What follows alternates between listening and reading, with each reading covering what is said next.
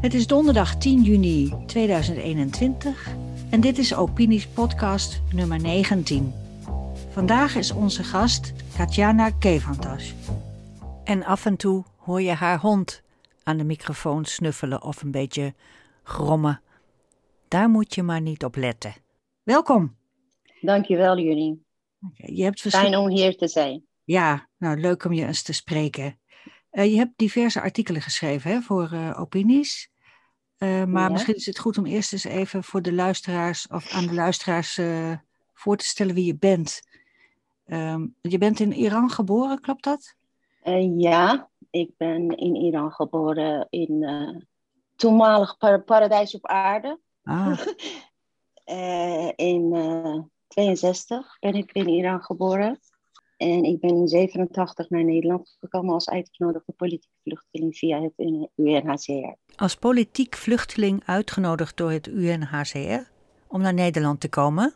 Okay. Was, je, was je toen student in uh, Iran? Hoe oud was je toen? Het is moeilijker voor mij om te rekenen. Uh, toen ik naar Nederland kwam was ik 26. Oh ja, ja. ja. Maar daarvoor heb ik ook... Uh, um, ik ben in 84 uh, Iran ontvlucht uh, en naar, naar, Turkije gegaan. Mm -hmm. Ik heb uh, ongeveer drie, drie, drieënhalf jaar in Turkije gewoond. En ik heb me toen aangemeld bij UNHCR in, in Turkije, in Ankara. Mm -hmm. Samen met mijn eerste dochter, die toen drieënhalf jaar oud was, oh. en haar vader.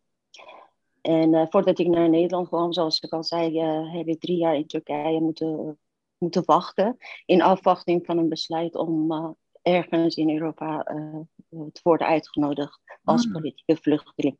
En daar ging ook een uitgebreide screening en achtergrondonderzoek aan vooraf. En jij was, je werd weer vervolgd in, uh, in Iran? ja, ik heb heel veel. ik ben vaak in de aanraking gekomen met het regime.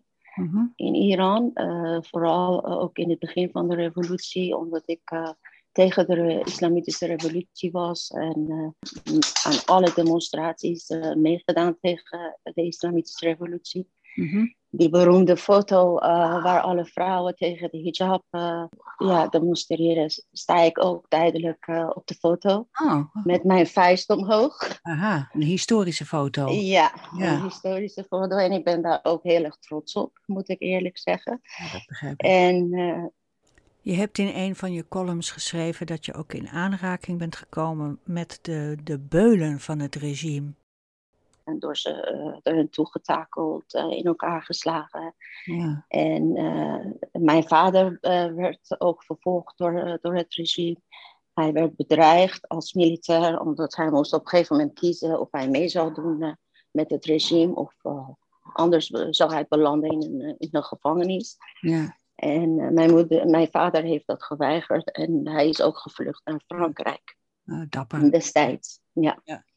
Dus niet samen met jou uh, naar het. Nee, nee, nee, niet samen met mij. Mijn vader is via, uh, uh, via de grens tussen Iran en Pakistan een stukje met de kameel, een stukje met de, op de motor en lopend is hij in Pakistan terechtgekomen en werd hij daar door de politie gearresteerd, een paar maanden in de gevangenis gezeten. Hmm. En toen is hij uiteindelijk is het hem gelukt om naar Frankrijk te vluchten. En uh, ja, daar werd hij meteen uh, ook uh, toegelaten als politieke vluchteling. Oh, Oké, okay, ja. En heb je hem daarna nog gezien? Ik heb hem daarna nog een klein jaartje gezien. want toen hij in Frankrijk aankwam, was ik nog in Turkije. Mm -hmm. Ik zat nog te wachten op het besluit van UNHCR. Ja, hij kwam aan op het vliegveld en werd hij meteen eh, meegenomen naar het, eh, naar het ziekenhuis uh, op de ICU-afdeling. Want hij was zo, ja. Het ging heel slecht met hem? Ja, hij is in de gevangenis gemarteld. Dus op een gegeven moment, ja, dat heeft hem toch geëist. Ja, ik... En hij was ook heel erg jong hoor, hij was pas 60. Ja, vreselijk. Daar wil je liever niet aan terugdenken eigenlijk, hè? Nee, dat is ja, daar praat ik niet graag over. Nee, Nee, dat eh, begrijp ik heel goed. Het, maakt te veel eh, los. Ja.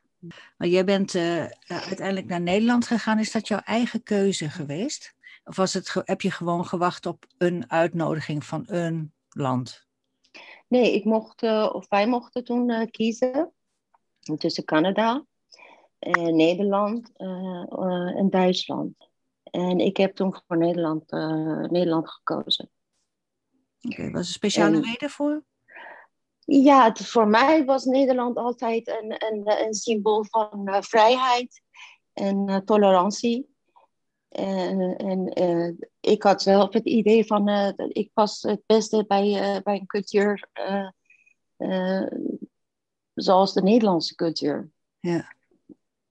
Want ik had ook eerder in Amerika gewoond. Ik heb, eh, eh, toen ik in mijn jonge jaren heb ik eh, in Kansas City eh, gewoond. In Amerika ben ik op school gegaan.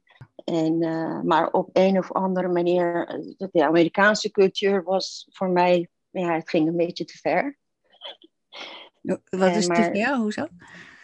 Ja, dat dra die, die drama, eh, die, die- dat heerst in dat land. Eh, alles wordt zo heftig gemaakt. En, eh, maar inmiddels zijn we in Nederland ook zo hoor. We hebben inmiddels, er is op dit moment ook geen verschil bijna tussen de Nederland, hoe wij in, in, in, Nederland leven. En, eh, de- want wij kopiëren alles van Amerikanen natuurlijk. Het invloed is, eh, is heel groot. Maar ik heb destijds, ik, ik, ik snakte naar, naar rust en vrede en veiligheid. En daarom heb ik ook eh, voor, Ne- eh, voor Nederland eh, gekozen. En ik wilde niet naar Canada. Ik wilde niet naar, naar een groot land. Ik wilde gewoon in een, in een rustig land gaan wonen waar ik me veilig voelde, waar ik mijn kinderen, of op dat moment, ja, mijn dochter, alleen ik had toen maar één kind, Mhm. de- de- de- waar zij zich veilig kon voelen en ja, in veiligheid kon opgroeien. Ja, en dat is ook gebeurd? Dat is ook, eh, Eh, ja, dat is, volwassen? in mijn tijd is dat, eh, is dat eh, eh, gebeurd. Ik kan, helaas kan ik dat nu van, niet over de, de, de huidige eh, samenleving eh, zeggen. Maar in, in die tijd waren mijn kinderen, de hele, eh, ja, mijn tweede kind ook, is hier geboren. En eh, ze voelden zich eh, ja, als vis in het water ja. nooit problemen gehad. eh, en daarom ook als ik al die allochtonen hoor die tegenwoordig allemaal verhalen vertellen over Nederland is een racistisch land, Nederland eh, is een fascistisch land en blanke Nederlanders zijn zus of zo. Ja, wij hebben dat nooit meegemaakt. Dat is, ik, ik, ik heb me altijd heel eh, eh, welkom gevoeld in Nederland vanaf het eerste moment Mijn kinderen ook. Eh, die, die zijn hier op school eh, gezeten, dat, op, op, eh, bij, ja, christ, op christelijke school gezeten, en op openbare school gezeten. Nooit dit soort verhalen. ja, wij, wij hebben dat nooit meegemaakt. Nee, ik snap het ook niet. Of, Geen racisme, geen discriminatie. Mijn jongste heeft een VWO-opleiding. Mhm. Eh, mijn eh, oudste heeft een ha- HAVO eh, afgemaakt en daarna naar HBO en eh, haar, haar opleiding afgemaakt. Mijn jongste ja, is ook eh, hier eh, naar school gegaan. En jijzelf? Ja, mijn loopbaan begon als administratief medewerkster. Want toen ik eenmaal in Nederland eh, was, ben ik zo snel mogelijk gaan werken. Wilde ik dat ook doen. En dat was een administratieve opleiding, was voor mij de meest voor de hand liggende opleiding. Die ik op dat moment kon volgen. Want ik had ook, eh, eh, we hadden het net over mijn vader. Mijn vader was zo ziek. Mhm. Eh, op een gegeven moment stond hij op een dag met mijn broer, want mijn broer woonde in, eh, destijds in, in Frankrijk nog steeds hoor. En op een gegeven moment stond hij voor de deur en zei: Alsjeblieft, laat me nou bij jou zijn. Hij kon zichzelf niet redden meer. Nee, Hij had hulp nodig. ja. Ja, ja. En jouw broer heeft hem toen eh, opgenomen in huis? Mijn, mijn broer heeft hem opgenomen, maar hij voelde zich niet op zijn gemak bij mijn broer. Oh, Hij had, ja. Want eh, mijn, ja, mijn broer is een heel andere type dan ik. En eh, ik had altijd ook van kind af aan een hele hechte band met mijn vader. We zijn met z'n drieën kinderen. Mhm. Eh, maar ik was de enige, eh, het enige kind met, die, zo, die een hele sterke band had met mijn vader. Hij was niet alleen mijn vader, maar ook mijn mentor en eh, mijn beste vriend. dus in die zin stond hij op een gegeven moment, ik denk een week nadat ik een, een woning toegewezen kreeg in Zoetermeer, stond hij voor de deur van ah. laat me nou alsjeblieft bij jou zijn. En mijn huis was nog niet opgeknapt.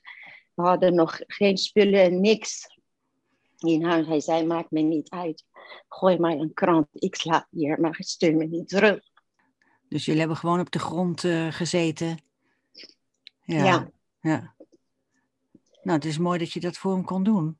Hè? Dat je voor hem kon zorgen. Ja, dat vind ik ook fijn. Ja zeg maar, het eerste jaar dat je in Nederland was. Ja, het was het eerste jaar dat ik in Nederland was. En uh, daardoor kon ik ook uh, geen taalkursussen volgen. Uh, ik heb dus niet op taalkursus gezeten zoals alle andere vluchtelingen of migranten die hier naartoe komen. Mhm. Ik heb voor mijn vader moeten zorgen en tegelijkertijd heb ik alleen via de televisie heb ik de Nederlandse taal geleerd. Nou, je spreekt heel goed Nederlands, dus dan moeten we hem allemaal maar gaan doen via de televisie. Ja. ja, dankjewel. Ik doe mijn best. Het is nog steeds een uitdaging, elke, nog elke dag. Natuurlijk, ja, het is niet mijn eh, moedertaal. nee, het is niet mijn moedertaal en ik ben uh, eerlijk gezegd beter in schrijven dan uh, mondeling. Oké, ja. Want op, mijn, op, op, op mijn werk heb ik ook altijd te maken gehad met rapportages schrijven, trajectplannen schrijven. Mhm. dus, en ik heb meer tijd om na te denken. Uh, ik heb alleen via de televisie, zoals ik al zei, uh, de taal geleerd, heel veel actualiteitenprogramma's uh, gekeken en laat in de avond. En zo heb ik de, Nederlandse, de Nederlandse taal onder de knie gekregen. Ah, geweldig. En tegelijkertijd ben, ben ik ook daar administratieve opleiding gaan volgen, omdat ik dacht, in mijn beleving dacht ik van, ik heb daar heel veel met taal te maken. Dus ik leer heel veel, dacht ik toen. Ja. En het was ook zo hoor. Brieven schrijven naar instanties en eh, in contact blijven eh, aan de telefoon met allerlei organisaties. En dat heeft mij enorm ook uh, geholpen. Mhm. Om de Nederlandse taal snel te kunnen leren. Ja. En binnen zes maanden sprak ik gewoon Nederlands. Ah, super. Ja. Maar je was ook heel jong nog toen, dus dan gaat het ook makkelijk. Ja, ik was ook heel erg jong. Uh, ook heel erg ambitieus. Ik wilde echt uh, een nieuw leven hier uh, beginnen en mijn verleden achter me laten. Ja, ik heb een jaar of twee, drie als administratief medewerkster gewerkt. Daarna ben ik gaan solliciteren bij arbeidsbureau. Als, want ondertussen had ik ook een HBO-opleiding maatschappelijk werk gevolgd, s'nachts. Wow. Of uh, s s'avonds bedoel ik. Ja. ja. misschien moest je uh, s'nachts ook studeren, dat zou kunnen. Ja, ja ik ging s'nachts studeren toen mijn dochter uh, in bed lag.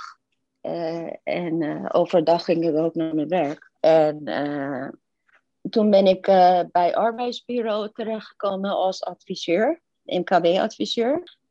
daarna werd het ook natuurlijk CWI, Centrum voor Werk en Inkomen.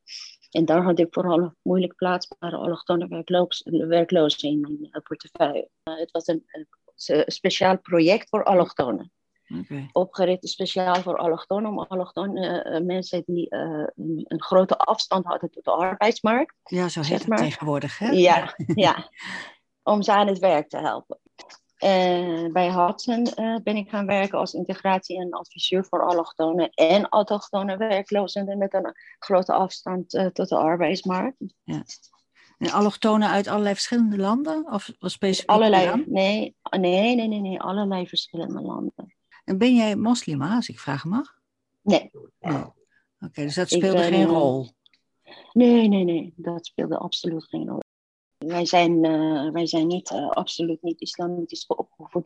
En uh, kijk, het, het punt is dat ik ben, ehm, ik zeg het ook altijd tegen mensen die mij ja, dezelfde, vraag, dezelfde vraag stellen. Mm -hmm. Ik ben de laatste generatie Iranier, Iraniërs mm -hmm. die Iran voor de revolutie en na de revolutie bewust hebben meegemaakt. Hè? En vooral met de nadruk op voor de revolutie. Ja. In mijn tijd, Iran was een, uh, uh, als we het hebben over multiculturele, multiculturele samenleving. Mhm. Iran was destijds dankzij, uh, niet om daar reclame over te maken, maar dan, dankzij de Pahlavis, dankzij hun beleid, was een, een multiculturele samenleving. De, allerlei culturen, allerlei etnische minderheden. Uh, de, of je nou moslim was, christen, een jood of, of ja, geen geloof, atheïst. Religie was geen issue mm -hmm. voor ons. Ja. Wij gingen allemaal met elkaar om. En waarom? Omdat de Shah van Iran, de politiek binnen de islam, het zwijgen oplegde. Snap je wat ik bedoel? politieke islam. Als je de, de islam als ideologie om een, uh, om een staat ja, te richten. Ja, niemand mocht de politieke islam uh, propageren. En iedereen had zijn eigen religie, de eigen moskee. En niemand was daarmee bezig eigenlijk. Mensen waren leefden... misschien uh, hun geloof aan het beleiden, maar niet in het openbaar? Ja, ja. Nee, in het openbaar. Je mocht niet als wat ik nu hier zie, die Arabische mannen in, in zo'n gewaad en weet ik veel wat allemaal. Nee, dat heb ik in Iran voor de revolutie nooit meegemaakt. Nee, en ik hoor hier bijvoorbeeld Sigrid, Sigrid Kaag of de linkse politieke partijen uh, vertellen dat uh, hoofddoek een cultuur, iets cultureels is uh, voor, Iraanse, of voor Iraanse vrouwen, Mhm. tot onze cultuur behoort. Dat is helemaal niet waar. Nee. Dat is een pertinente leugen. Ja, dat is, jij hebt nog meegemaakt dat, eh, dat de cultuur eh, vrij was in Iran. En daar was Eh, helemaal ja. geen hoofddoek aan de Daar orde. was helemaal geen hoofddoek aan de orde. Ja, hoe helemaal niet. Het is gewoon. dat Nederland daar, hoe, hoe dat in Nederland wordt eh, opgevat, of hoe er over gepraat wordt, of wat je in Nederland ziet op het gebied van de islam? Hoe kijk je daar tegenaan? Het is gewoon frustrerend. Al die leugens die eh, verspreid worden over eh, hoe eh, liefdevol en vreedzaam de islam is. Het is gewoon mind-blowing. En dat mensen erin trappen, keer op keer erin trappen. Het is ongelooflijk. Het is een leugen die verzonnen is door linkse partijen. Ergens twintig jaar geleden, tot twintig jaar geleden, had niemand in Nederland over de islam. Nee. We praten niet over de islam. Iedereen ging zijn eigen leven leiden, zijn eigen geloof eh, eh, eh, beleiden. En weet ik veel allemaal. We waren daar niet mee bezig. Ik heb die tijd ook in Nederland meegemaakt. Dat moslims moslims waren, hun eigen leven lei- leiden. En christenen christenen. En we waren allemaal met elkaar, ja, we gingen door één deur. Maar het beeld wat tegenwoordig wordt eh, gecreëerd van, eh, van islam is, eh, ja, het is een islamitische liefde en een, ja, vrede. Hij, islam draagt vrede uit, islam draagt liefde uit. Dat, dat is niet waar. Ik bedoel, lees de Koran. Kijk wat er allemaal in de Koran staat. Ja, er zijn Maar natuurlijk die- mensen die zeggen van nou, de, de- ja, je hebt ook nog een gematigde. Je hebt natuurlijk mensen die heel fanatiek zijn. Je hebt ook een gematigde islam.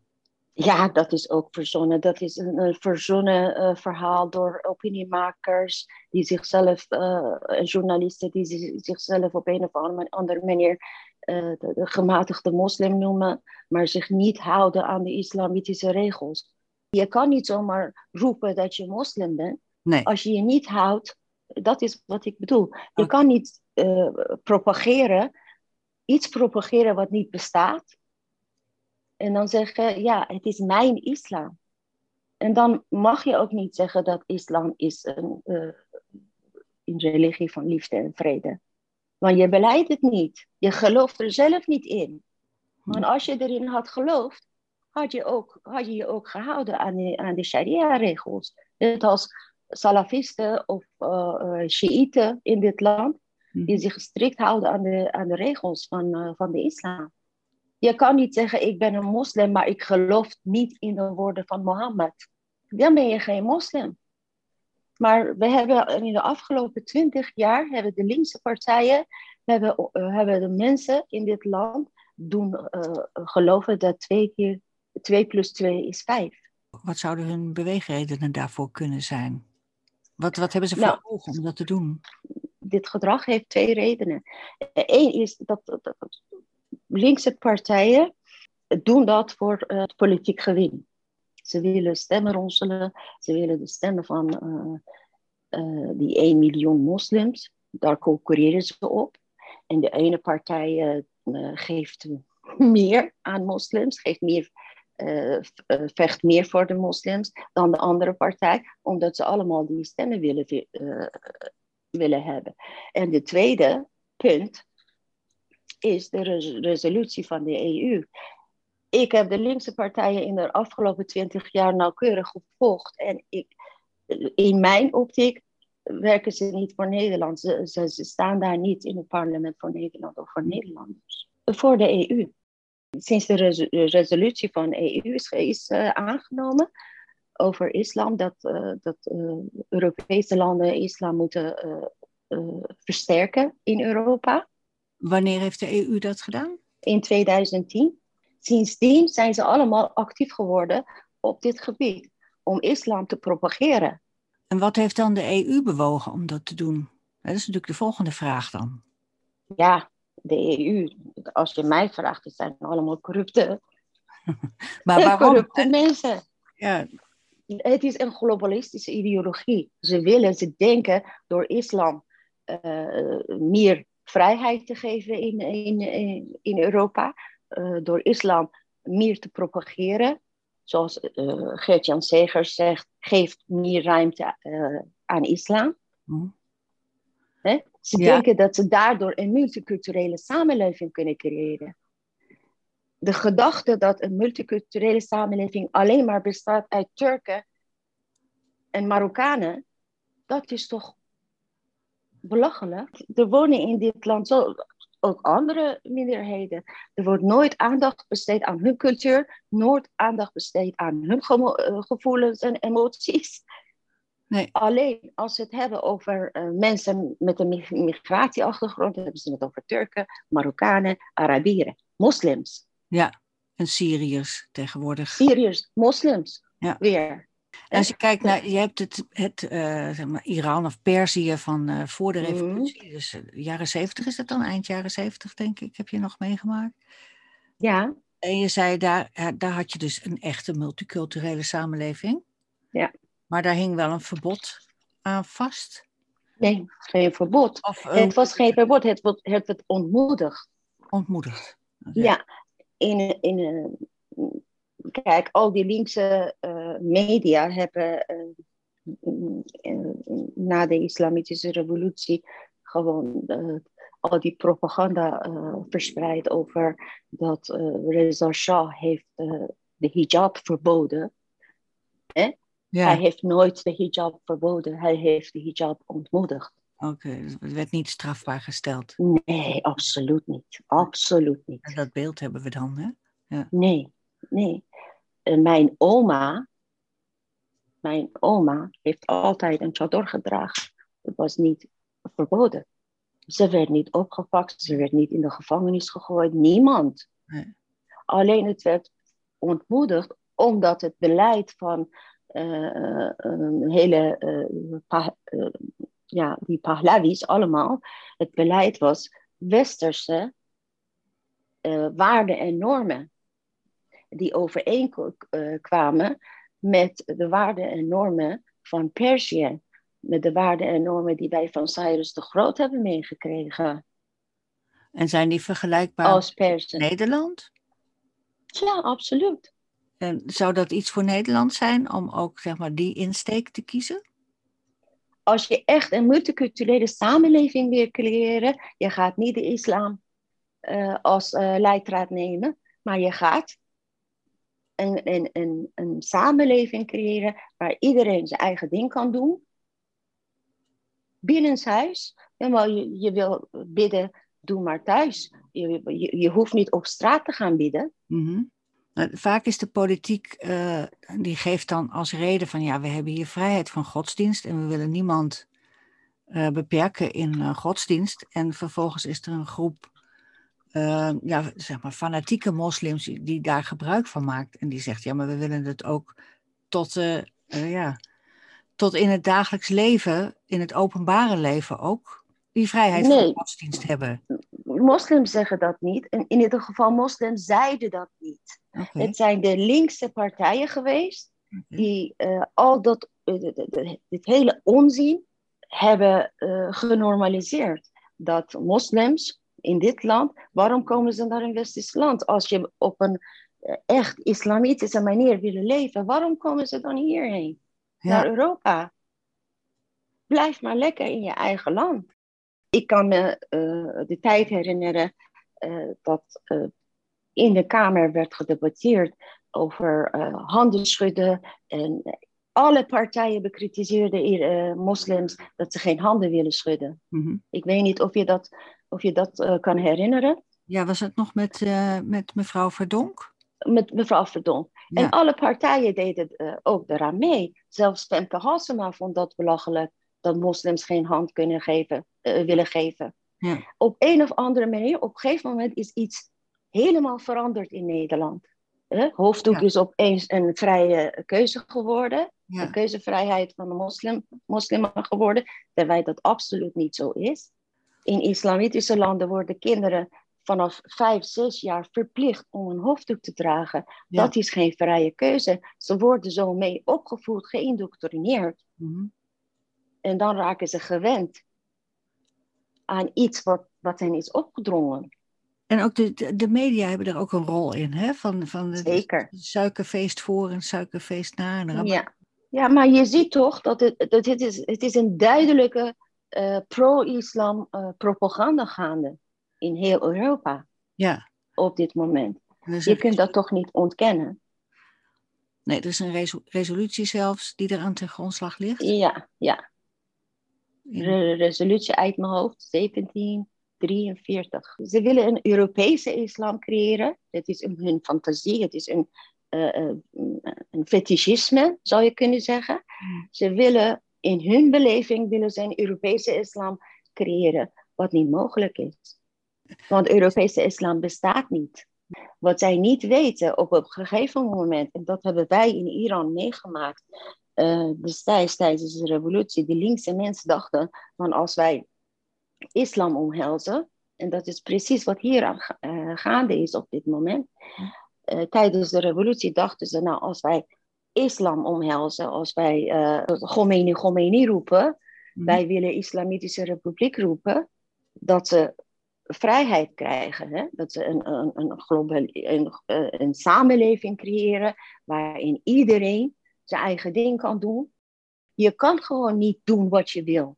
En, uh, maar mensen, moslims in dit land, hebben dat letterlijk genomen. Je bedoelt Nederland? We mogen doen wat we willen. Ja. Want we hebben rechten. Het is mijn mensenrecht. Het is een recht die, die zij niet in hun eigen land gaan halen, gaan eisen. Mm -hmm. Maar ze komen hierheen en dan gaan ze hun recht hier eisen. Ja. Door de rechten van Nederlanders en in mijn ogen de echte eigenaren van dit land door hun rechten te beperken. Ja, want je hebt gezien hoe dat, wat, dat, wat er gebeurt als die ruimte er is, zoals in Iran in uh, Ja, ik heb dat wel gezien. Ik heb ja. gezien. Zelfs de linkse mensen hebben dat gezien. Maar ze zijn hardleers. Ze leren dat nooit. Want ze zitten zo gevangen in hun uh, ja, ideologische, uh, bijna sectarische uh, ja, verblinding. Mm-hmm. En dat ver, het ver, verhindert ze om risicoanalyse te maken en uh, de echte solidariteit te tonen met uh, de echte slacht, slachtoffers van islam. In plaats daarvan gaan ze kiezen voor de islam. Kun je schetsen wat, wat, hoe dat de komende jaren er in Nederland gaat uitzien als we zo doorgaan? Oh, ik, ik hou mijn hart vast. Ik heb echt geen. Uh, ik, ik zie niks positiefs ik zie een zwarte toekomst voor Nederland. Echt, als het zo doorgaat. Gaan wij hier ook een islamitische revolutie krijgen? Op een gegeven moment wel.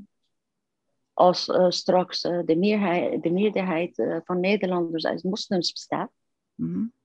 dan moet je zien wat je krijgt. En dan is het, het gaat ook niet alleen om Nederland, om moslims in Nederland. Het gaat om moslims in heel Europa, die elkaar ook te hulp schieten. Wij in Iran, terwijl de revolutie gaande was, die Palestijnen kwamen allemaal illegaal naar Iran binnen.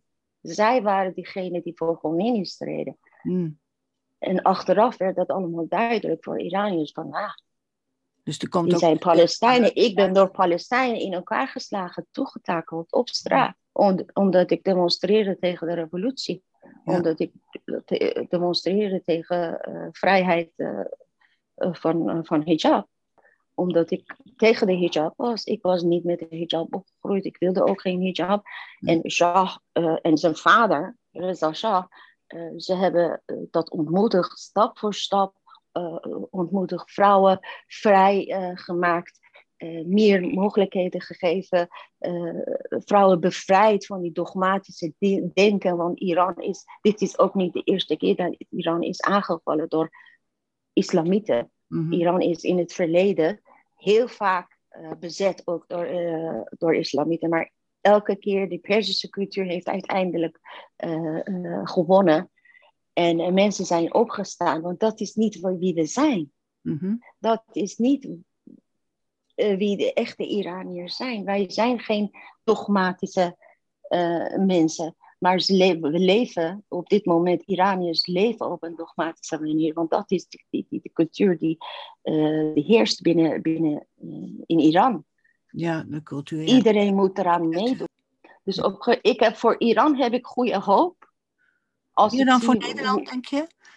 Niet voor Nederland, nee. Nederlanders, Hmm. tot mijn grote verbazing, en dat is waar ik me over vergist heb. Eh, ik wist eh, binnen zes maanden, eh, toen ik naar Nederland kwam, wist ik dat Nederlanders heel erg naïef waren. En dat bedoel ik niet beledigend hoor.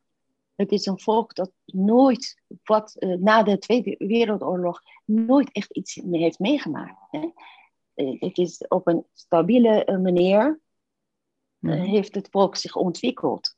Zonder die, die echte, ja, wat wij, eh, zonder pijnlijke eh, momenten in haar geschiedenis. Na de Tweede Oorlog. Hè? En sindsdien is, zijn Nederlanders een soort, ja, ze geloven alles wat je ze vertelt. En dat verbaasde me. Echt zit waar, ik natuurlijk dacht dat... ook een, eh, een wensdenken aan ten grondslag. Hè? Van, wij willen ook graag dat de wereld mooi in elkaar zit. En dat- Ja, dat is het. Maar Nederlanders vergelijken iedereen met zichzelf. Omdat zij het niet zo, zoiets zou doen, Mhm. zouden doen, dat iedereen, niemand het zou doen. Ja, Omdat zij, het zit, onthoofden zit niet in hun DNA, bij Mhm. wijze van spreken. Dat is toch belachelijk dat het ook in het DNA, DNA van andere mensen zit. Dat kan toch niet? dat- Dat kan niet waar zijn. En dat noem ik een, na- eh, naïviteit van, eh, van Nederland. Ik hoop dat mensen echt opstaan. Eh, Ik, ik, ik, in mijn optiek, het is nu of nooit. Dit is het moment eh, dat Nederlanders moeten echt voor zichzelf moeten opkomen. moet Of kies je voor de islam, of kies je voor Nederland. En westerse waarden en normen. Je kan ze niet allebei hebben. Want het, is, het, het zijn twee tegenpolen. Ja, kun je een voorbeeld noemen? Mensen weten zo weinig, zeg je net. De fundamentele Over tegenstelling islam. tussen westerse waarden en eh, islam? Ja, kijk, van ons wordt verwacht om slechte kanten van, eh, van islam te negeren. Tenminste, dat is wat wordt eh, gepropageerd. We moeten geen nadruk leggen, leggen op de slechte kanten van islam, maar van mooie kanten van islam. Hè? Ja. Dus geweld, onderdrukking, psychopathische niveau van vrouwenhaat, eermoord, genitale verminking, executies, onthoofdingen, homo, jodenhaat, intimidatie, censuur, eh, martelingen, eh, ja, constante dreiging van geweld. Al die dingen moeten we negeren, volgens onze moraalridders in het parlement. Mhm. En als we dat allemaal moeten negeren, dan is er niet veel mis met, met islam. Dat klopt. Maar dat zijn juist de, dat is, al die dingen eh, vormen juist de kern van de islam. En dat staat, dat staat lijnrecht tegenover, eh, ze hebben de christelijk Dat dat lijn recht tegenover christelijk-joodse waarden en normen die wij Mhm. in dit land hebben. In heel Europa eigenlijk. Ja, En mensen hebben niet in de, in de gaten hoe, hoe ze veranderd zijn. In gedrag ook. Ik zie, ik kijk naar mensen, ik heb, ik heb beide kanten meegemaakt. Hè. Ik heb eh, binnen moslims opgevoed. Hè. Dat, ook, eh, Mhm. om, surrounded met moslims ben ik Ja. opgevoed. Ik zie Nederlanders hier en soms denk ik van, ik zie niet zoveel verschil meer in de manier van denken van die mensen. En mensen hebben dat niet in de gaten, hoe, hoe enorm zij veranderd zijn, geassimileerd zijn aan een islamitische cultuur. is dat misschien ook ingegeven door, door angst eh, eh, vanwege het terrorisme? Dat mensen bang zijn geworden om, eh, om tegen de wensen of de ideeën van moslims in te gaan? Nee, dat denk ik niet. Ze zijn niet bang om, vanwege terrorisme. Ze Mhm. zijn bang vanwege die stempel die eh, die ze kregen. Mhm. Eh, ze zijn bang omdat ze voor racist, fascist, islamofoob worden uitgemaakt. En dat is voor Nederlanders een hele eh, happening om ergens voor worden uitgemaakt.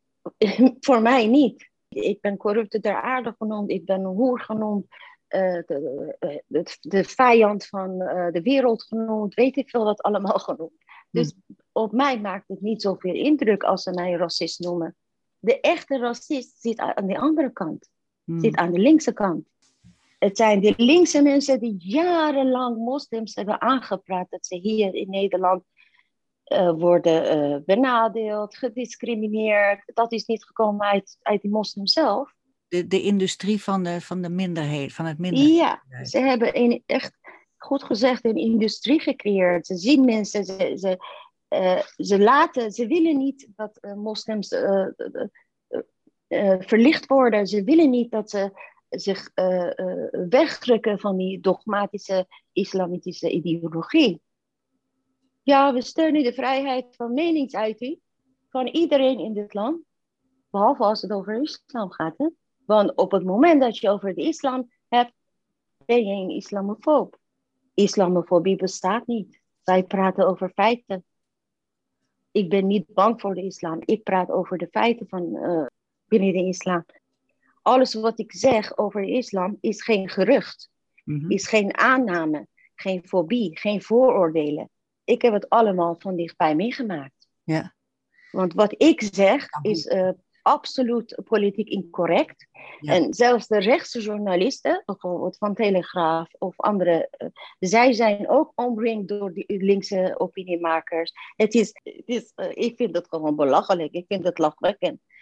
Dat- hoe hoe eh, het Westen omgaat met, met dit gegeven. Lachwekkend, maar je hebt ook geschetst, het is ook En gevaarlijk ook, hè? Precies. Gevaarlijk. Het is niet alleen om te lachen, maar het is ook om te... Nee, eh, nee. Het is niet, niet lachwekkend, niet in een soort vermakelijke manier, maar Nee, soms moet je uit frustratie echt lachen. En, en dat gebeurt mij heel vaak.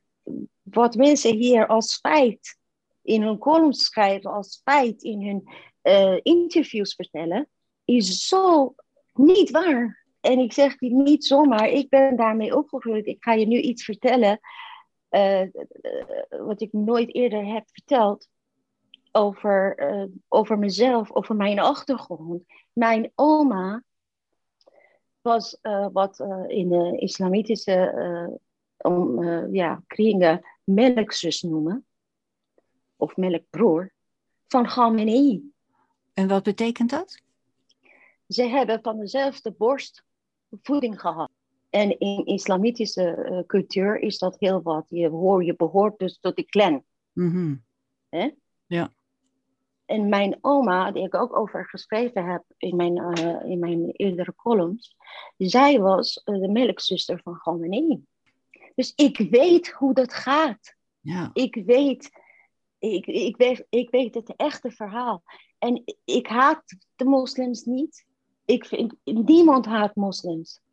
Ik haat die dogma van de islam. Mhm. Ik haat de, de haat die de islam verspreidt over de hele wereld.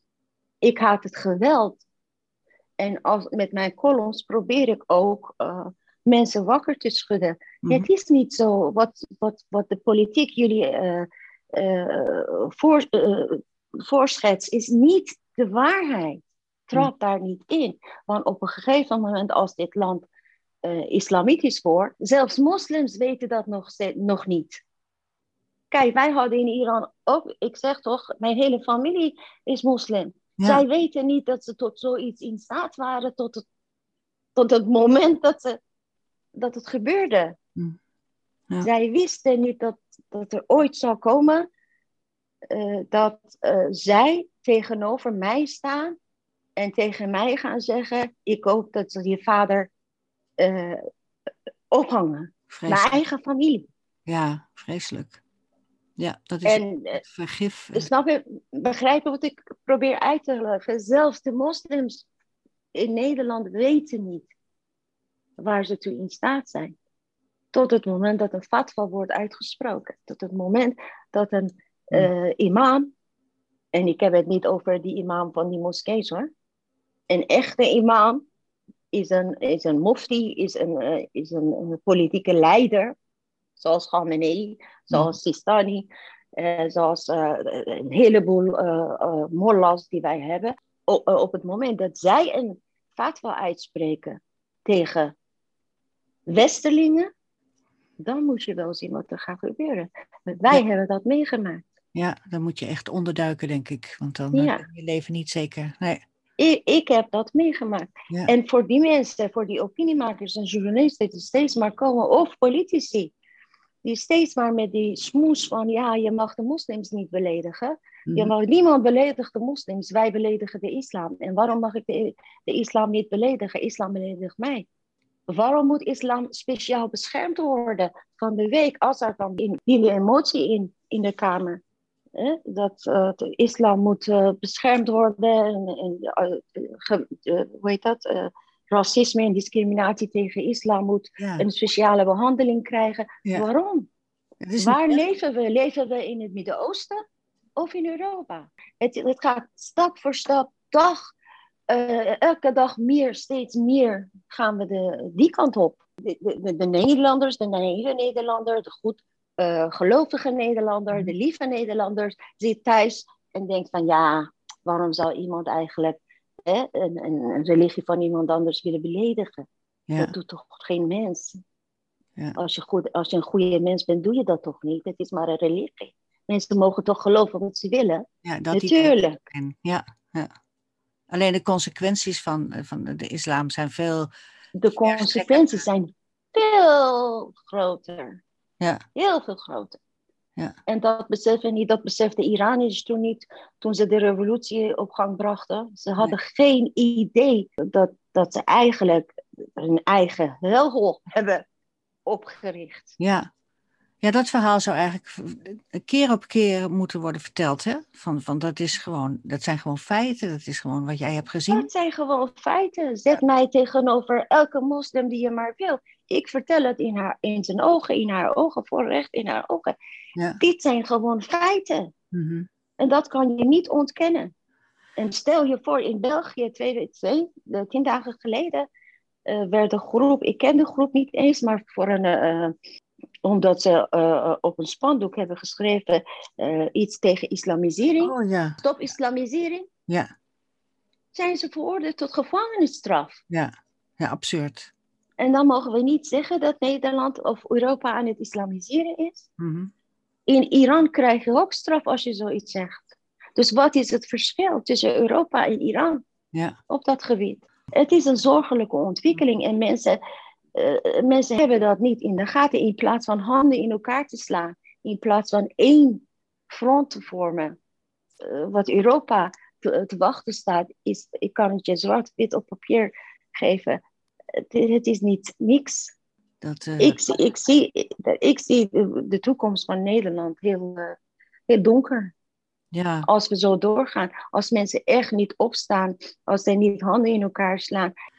Over een kleine opmerking van Baudet was een maand lang eh, eh, ophef.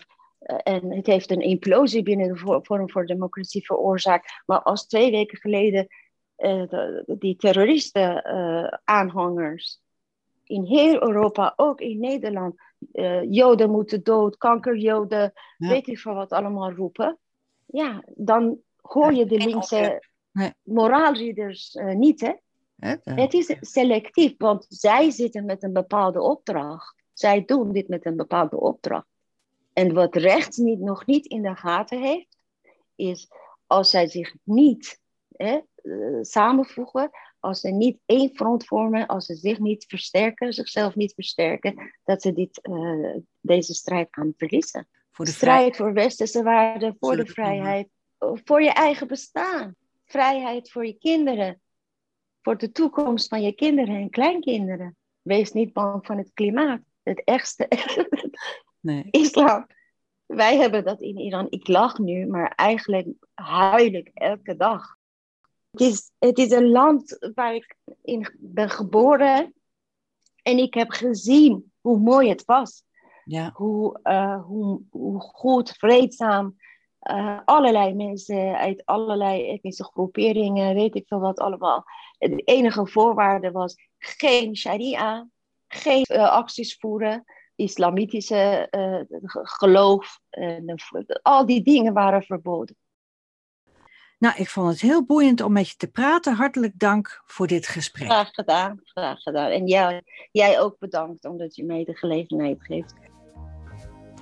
Dit was de podcast van Opiniescom. Opinies met een Z. Voor de nieuwste bijdragen en columns over politiek en maatschappij in binnen- en buitenland. Het is helemaal gratis